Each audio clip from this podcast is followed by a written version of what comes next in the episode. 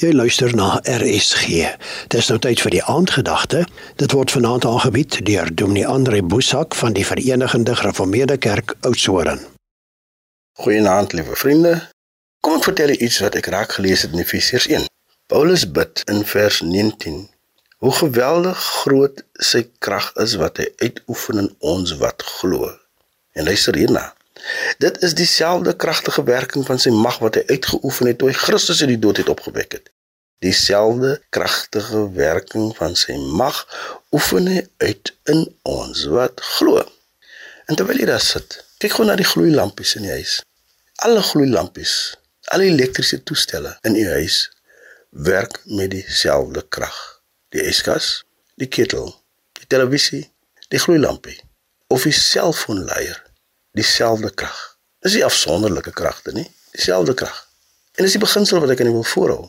Die krag wat God gebruik het om Jesus uit die dood uit op te wek, gebruik hy in ons. Hy oefen dit uit in ons.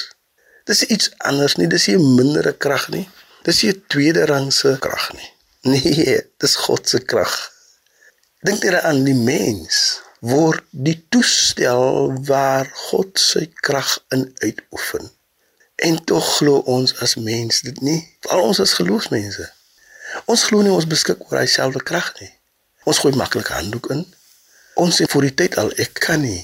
Terwyl die evangelie reguit sê, duidelik sê, dieselfde krag wat God gebruik het om Jesus uit die dood uit op te wek, oefen hy uit in ons wat glo. Dieselfde krag. Daarom geliefdes, wat ook al op ons pad kom, moet ons net hieraan vashou. Die krag wat die wêreld verlos het daai oggend op haar Sondag. Is dieselfde krag wat die Here vandag aan die einde van 2023 in ek en u uitoefen. Dink net aan u beskik oor die krag wat die dood oorwin. Here, dankie, dankie dat ons so bevoorreg is om die krag wat die dood oorwin het in ons te mag hê.